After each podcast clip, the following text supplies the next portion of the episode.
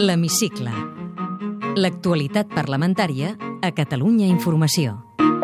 Queda aprovada la recomanació de la ponència amb 17 vots a favor i 4 en contra. La llei de consultes no referendàries ha superat el penúltim tràmit parlamentari. S'ha aprovat el dictamen al cap d'any i mig de treballs, amb el suport de Convergència i Unió, Esquerra, el PSC, Iniciativa i la CUP. Serà una llei que empararà la consulta el 9 de novembre i que permetrà que els catalans i les catalanes puguin participar en tantes decisions de construcció política com vulguin. És una llei de consultes plenament constitucional. Cal esmerçar tots els esforços en què l'eina no pateixi el risc de ser immediatament perduda. I és una eina més de participació política, no és definitiva. Una base legal i legítima de consulta política al servei de la, de la gent. I així ha de ser entesa i defensada aquesta llei dels seus enemics. I han votat en contra el PP i Ciutadans, que es va autoexcloure de la ponència. Aquesta llei no serveix per fer el referèndum que alguns volen fer pel proper 9 de novembre. No hem participat d'aquesta ponència per no ser còmplices d'aquesta política d'enfrontament, que és el que vol i el que pretén aquesta llei, la subversió de l'ordre constitucional. Tots els grups menys Ciutadans volen que el Consell de Garanties examini la constitucionalitat del text aprovat dimecres a la Comissió d'Afers Institucionals. I determini, entre altres qüestions, si la llei dona cobertura legal a una pregunta sobre la independència de Catalunya. Això se sabrà a mitjans d'agost. La norma podrà anar a ple per a la seva aprovació definitiva al setembre. La proposició de llei de consultes populars no referendàries i d'altres formes de participació ciutadana permetrà fer consultes nacionals o locals que no tinguin caràcter de referèndum. No són vinculants, però els poders públics s'han de posicionar sobre el seu resultat, com a molt tard dos mesos després de celebrar-se. Les poden impulsar el president, el govern, el Parlament, els ens locals o la ciutadania recollint firmes. Si és d'àmbit nacional, en calen 75.000. Hi poden participar els catalans que tinguin 16 anys o més i visquin al Principat o a l'estranger. No, en canvi, canvi, els que resideixen a la resta de l'estat espanyol. Per poder votar les consultes, als estrangers se'ls requerirà que s'apuntin a un registre específic sempre que acreditin residència legal d'un any als europeus i tres anys si són extracomunitaris. El cens que es farà servir és el Registre de Població d'IDESCAT, l'Institut d'Estadística de Catalunya que es nodreix dels padrons municipals. principi el debat de política general és només debat de política general. Si hi hagués la necessitat d'introduir un altre punt a l'ordre del dia, serà en un, en un ple, en un altre ple, ordinari o no. El debat de política general obrirà el curs parlamentari més d'hora de l'habitual el 16 de setembre, dos dies abans del referèndum escocès. La presidenta del Parlament, Núria de Gispert, no descartava dimarts que es pugui habilitar un ple específic a continuació per aprovar la llei de consultes el mateix dia que Escòcia vota sobre la seva independència. Si no fos el 18 de setembre, la llei de consultes es podria aprovar el 25 o l'1 d'octubre, al primer ple ordinari del nou període de sessions. Les entitats del Pacte Nacional pel Dret a Decidir han acordat enviar una carta al president espanyol Mariano Rajoy. Una carta respectuosa al màxim, demanant diàleg per poder votar el 9 de novembre amb totes les garanties de legalitat i que el seu govern no s'hi oposi. Joan Rigol ho explicava divendres al Parlament després de la tercera reunió del Pacte Nacional. I davant la imminència de la trobada que el president de la Generalitat ha de tenir amb Rajoy.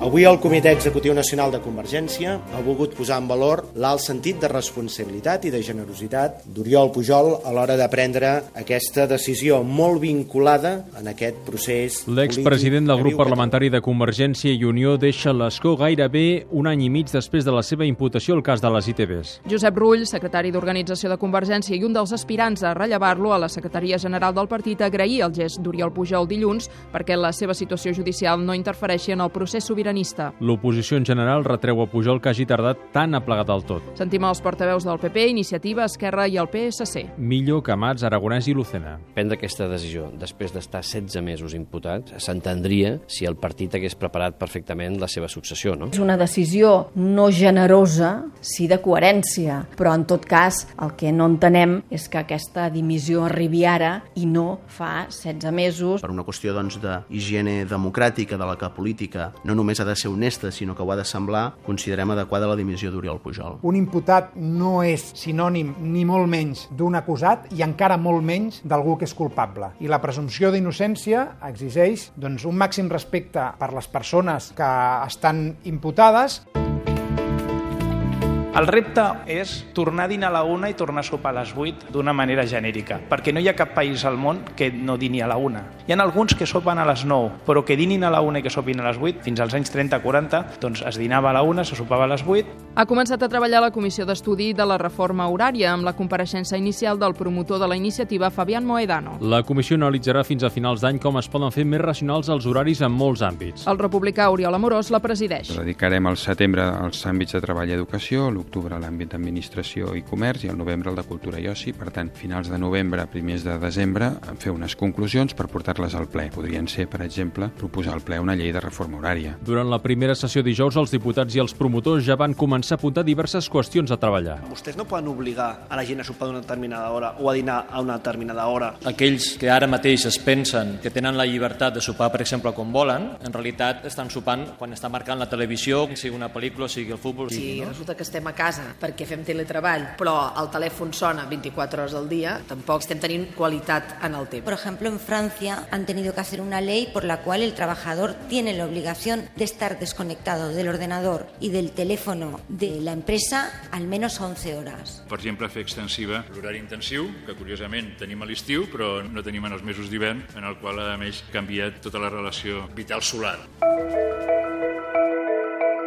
El ple de la setmana que ve es debatran cinc lleis, dues menys de les previstes. Perquè el PP ha enviat al Consell de Garanties dos dictàmens que no es veuran fins al ple a l'octubre. Els de la llei d'eradicació de l'homofòbia i el dels impostos ambientals. L'alcalde de Viladecans, Carles Ruiz, ha defensat aquesta setmana en comissió el centre comercial Outlet que està previst que es posi en marxa el 2016 en aquesta població del Baix Llobregat. en una zona que històricament, fa 30-40 anys, havia estat un dels motors turístics de l'àrea metropolitana i de Catalunya i que en aquests moments aquesta implantació pot ser un element reactiu també per recuperar el clúster turístic de la zona delta. L'oposició denuncia que és il·legal obrir un macrocomplex comercial en aquests terrenys. El director general de Comerç, Josep Maria R. Casens, diu que l'empresa es va acollir a l'excepció que permetia la llei d'horaris comercials quan se li va atorgar la llicència. La sol·licitud de llicència comercial va ser presentada abans de la derogació. Per la Direcció General de Comerç, la resolució d'aquesta sol·licitud era un acte arreglat.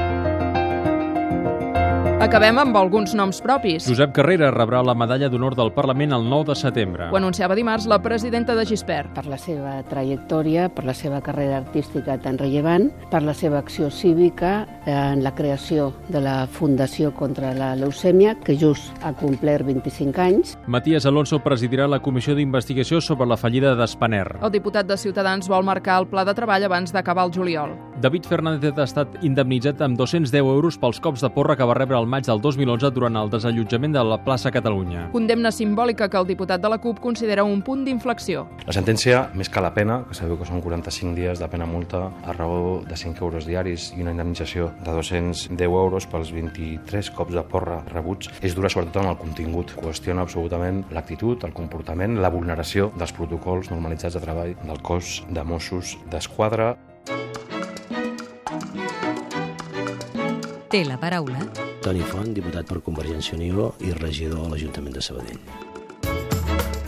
en una frase. Senyor Toni Font, què n'espera del rei Felip VI? Espero canvis, que el tarannà del seu pare doncs, el pugui superar i que pugui donar satisfacció al lloc que reivindica el poble de Catalunya. Està per un referèndum de monarquia o república? Jo crec que no toca, però si així ho demanés la societat, doncs no m'hi oposaria pas. Vol que Catalunya esdevingui un estat? Si així ho vol el poble de Catalunya, sí. Vol que aquest estat sigui independent? Si així ho vol el poble de Catalunya, també. Si ho vol el poble de Catalunya, però vostè? Jo estaré al costat del poble de Catalunya. Què passa si la convocatòria de la consulta és impugnada? Haurem d'imaginar i reconduir la situació, però hem de votar i no hi ha volta de full. Preveu eleccions anticipades? Això està a mans del president. Una reforma constitucional pot ajudar a encabir Catalunya dins Espanya? És fonamental. Quina injustícia l'enerva més a Catalunya? La injustícia social. Ha estat mai a la cua de l'atur? Quan vaig acabar la carrera, Si es queda sense feina, quina és la primera porta que trucaria? el primer que faré és anar a l'atur i inscriure'm al Servei Català d'Ocupació. Els seus ingressos han pujat, baixat o s'han mantingut en els últims 5 anys? Han pujat. El fet d'estar de portaveu adjunt, doncs això ha significat una millora significativa en relació al sou que tenia abans de ser diputat. Ha pagat o cobrat mai en negre?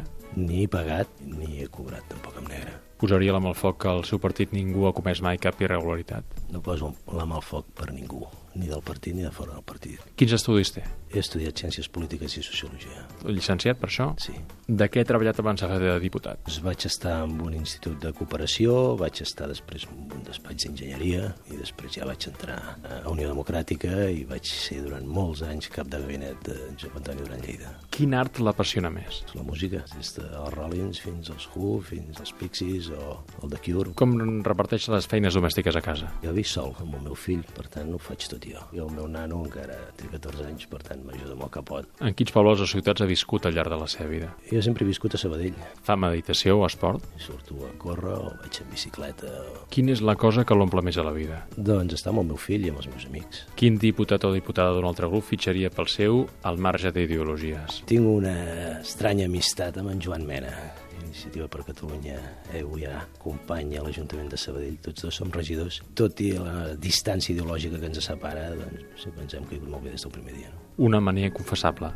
Que em mossego les ungles. Quan acaba un ple del Parlament, com desconnecta quan torna cap a casa? Pensant en el que hauré de fer l'endemà i amb la intendència domèstica, que és el que m'espera a casa quan arribo cada dia. Senyor Toni Font, moltes gràcies. A tu. Podeu tornar a escoltar aquest programa i recuperar els anteriors a catradio.cat barra hemicicle.